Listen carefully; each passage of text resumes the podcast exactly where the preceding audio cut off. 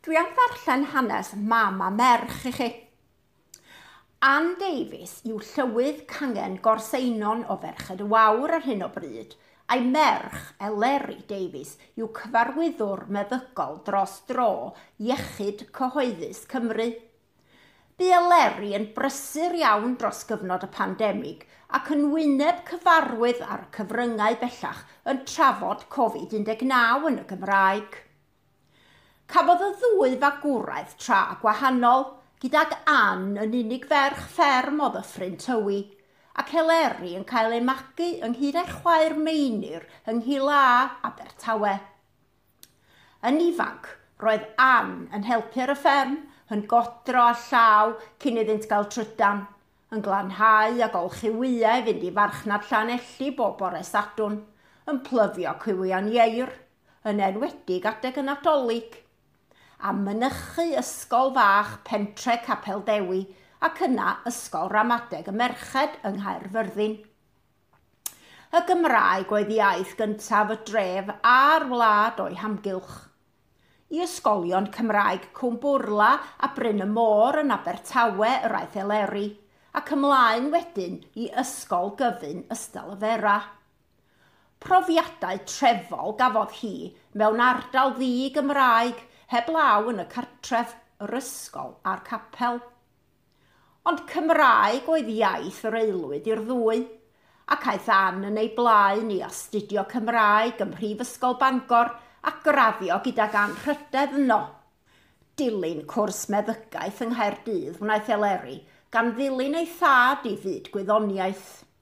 Roedd y ddwy yn ymddiddori mewn cerddoriaeth yn ifanc a bu an yn cael gwersi piano ac yn cystadlu mewn esteddfodau lleol ar y piano a cher dant a chwarae'r organ yn y capel yn ei thro. Mae Eleri yn sôn am ddylanwad y sîn roc arni hi pan oedd yn ei harddegau. A phan oedd ta 15 oed, fe ddechreuodd gyfrannu adolygiadau i nosweithiau pop blaen dyffs i raglen bop fore Sadwrn ar Radio Cymru, Sosban gyda Richard Rees. Yn wir, bu'n cyflwyno cadw reiat ar y cyd a Dewi Williams am flwyddyn neu ddwy. Mae ddiolchgar iawn am y profiad hwnnw nawr, wrth iddi gyfrannu yn aml i raglenni radio a theledyn y Gymraeg ynghyd â choronavirus. Oherwydd iddi hefyd fod yn canu a dawnsio gwerin tan yr ysgol, daeth cyfle i ddefnyddio ei sgiliau yma i ennill arian drwy gymryd rhan yn nosweithio'r hwyrnos yn Abertawe. Bu'n canu nawda a gweinith y byrdda a chydweithio gyda llawer o berfformwyr gwerin ardal Abertawe a Cherfyrddin. Ar ôl graddio, aeth Ann i Boston yn yr Unol Daleithau gyda'i dyweddi John oedd yno yn ei dilyn cwrs ôl-ddeithuriaeth cemeg. Ar ôl teithio tipyn o gwmpas yr unol daleithau, daeth y ddau yn ôl i Gymru. Ac wedi cyfnod o ddysgu, ar y diwrnod pan enillodd Lloegr gwpan y byd, pel droed, daeth eleri i'r byd a'r fferm ei mam gu a thad cu pan twmffre yn nyffryn tywi.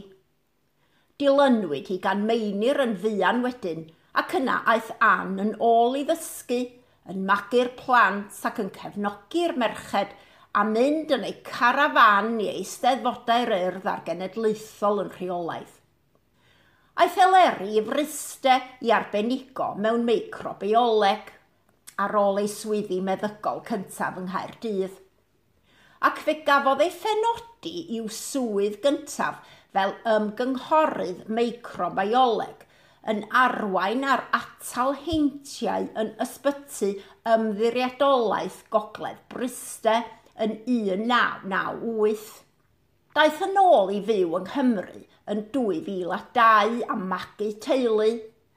Erbyn hyn, mae hi'n byw ger y bont faen gyda'i gŵr Mark a'r plant Carwyn a Megan. Bellach, yn gyfarwyddwr meddygol dros dro a phennaeth rhaglen atelheintiau iechyd cyhoeddus Cymru. Dywed fod Covid-19 wedi bod ac yn dal i fod yn brofiad dirdynol. O safbwynt gwaith, dyma'r prysuraf a mwyaf dan bwysau y bu ers dechrau ei gyrfa feddygol. Ers mis chwefror, 2020. Mae hi wedi gweithiau oriau hir iawn. Ar y dechrau, roedd hi'n paratoi am yr achosion cyntaf a sut i ddelio nhw ac yna delio ar marwolaethau cyntaf. Ac ymlaen i gefnogi'r gwasanaeth iechyd wrth geisio rheoli lledeiniaid yr haint. Erbyn mis Mawrth, roedd pwysau anferth ar y gwasanaeth iechyd wrth i'r feirws ledu o fewn y boblogaeth a does dim llawer o lacio wedi bod drwy weddill y flwyddyn. O safbwynt personol, mae'r cyfnodau clo wedi eu gwahanu o wrth ei mam a mae bod yn byw mewn rhannau gwahanol o Gymru. Ac mae wedi gweld colli cilch o ddathliadau teuluol fel yr heli o bobl ond mae'r plant wedi dioddef colli ysgol ac addysg sydd wedi effeithio'n drwm arnyn nhw. Wrth ofyn am ddylanwad ei rhieni arni, dywed eleri fod y ddau wedi sicrhau ei bod yn dilyn y canllaw, mae dim ond yn y geiriadur y daw'r llwyddiant o flaen ymdrech. Dilyn ei thad i fyd gwyddoniaeth wnaeth o ran gyrfa ond roedd y Gymraeg a'r pethau Cymraeg yn cael pwyslais mawr yn y cartref hefyd. Dywed taw mam oedd y disgyblwr mwyaf. Ac i orffen, dyma saith cwestiwn sydyn wedi cael ei ofyn i'r ddwy. Beth ydyw hoff gerddoriaeth? Ann yn dweud clasurol opera, cerdant a gwerin – ac Eleri yn deud na'r grŵp roc Queen sydd orau ganddi hi. Beth am ei hoff wylia nhw? An yn dweud, carafanion llydaw a Ffrainc beicio o gwmpas yno. Ac Eleri yn hoffi mynd i Ffrainc ar eidal. Beth am ei hoff lyfr nhw? An yn hoffi sgythiau gan Gwynab Gwilym ac Eleri yn hoffi cysgod y cryman a hunan gofiannau a beth am ei hoff lodyn. An yn hoffi briallen, ac Eleri yn hoffi lili ac amaryllis. Beth am ei hoff fwyd? An yn hoffi cinio'r host neu ginio dydd syl, ac Eleri yn hoffi stecen a sglodion. A beth am ei hoff ddiod nhw? An yn dweud na gwyn neu gin a tonic mae hi'n hoffi, ac Eleri yn hoffi gwyn a champagne rwan ta. Deryn y nos neu'r bored i'r ddwy ohonyn nhw. A'r ddwy yn dweud mae adar y nos ydyn nhw.